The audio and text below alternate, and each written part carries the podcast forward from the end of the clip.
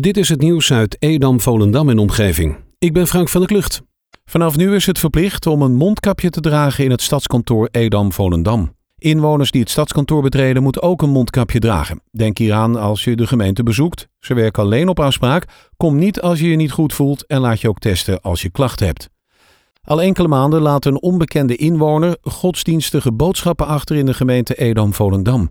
In stegen, achter regenpijpen, aan lantaarnpalen en op bankjes wordt een religieuze tekst achtergelaten. Allemaal onthuld door geel tape en voorzien van een plastic hoes. De meeste vinders reageren ongemakkelijk of lacherig op de actie. Groter dan de nieuwsgierigheid over de tekst is de nieuwe nieuwsgierigheid naar de initiatiefnemer.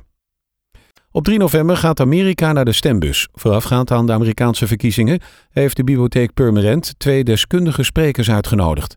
Laila Frank en Auke Hulst gaan met elkaar in gesprek over het Amerika van Trump. Inside Out, de avond over de Amerikaanse verkiezing, is op woensdag 28 oktober van half acht tot half tien. Kaarten zijn verkrijgbaar via de website bibliotheekwaterland.nl. De gemeente Waterland is al wekenlang in goed overleg met diverse Sinterklaascomité's om te kijken wat er gezien de beperkende coronamaatregelen nog wel kan. De gemeente heeft de comité's afgeraden om onder deze omstandigheden activiteiten te organiseren. Het Sinterklaascomité van Marken en het comité van Monnikendam gaan een digitale Sinterklaasactiviteit organiseren. De comité's van Broek in Waterland en Ilpendam beraden zich nog over wat te doen. In Zaanstad krijgen huishoudens met een uitkering van de gemeente een setje mondkapjes gratis thuisgestuurd, zo meldt het NAD. In de setjes zitten vijf stoffen wasbare mondkapjes en tien papieren mondkapjes. Deze worden naar elk minima-huishouden verstuurd met daarbij een instructie over het gebruik. In de Rozenstraat in Purmerend heeft een automobilist vier voortuintjes vernield. De man verloor de macht over het stuur, waardoor hij de tuintjes niet meer kon ontwijken. De laatste tuin was betegeld, waardoor de auto met een klap tot stilstand kwam. De bestuurder is gewond naar het ziekenhuis gebracht. De pont tussen Elpendam en Landsmeer lijkt in de vaart te blijven. De vervoerregio Amsterdam wil financieel bijdragen om de pont te redden. Dat schrijft het Noord-Hollands Dagblad vandaag. Vorige maand ontstond onrust over de bewoners van Ilpendam en Landsmeer. Toen bleek dat de gemeente Waterland niet meer bij wilde dragen aan de pont. De rekening zou dus volledig bij de gemeente Landsmeer komen te liggen. Beide gemeenten hebben ernstige geldproblemen. Vanaf nu geldt in alle Zaanse parken en op de Zaanse Schans een vuurwerkverbod. Vorig jaar gold het vuurwerkverbod in alle Zaanse parken rond Oud en Nieuw.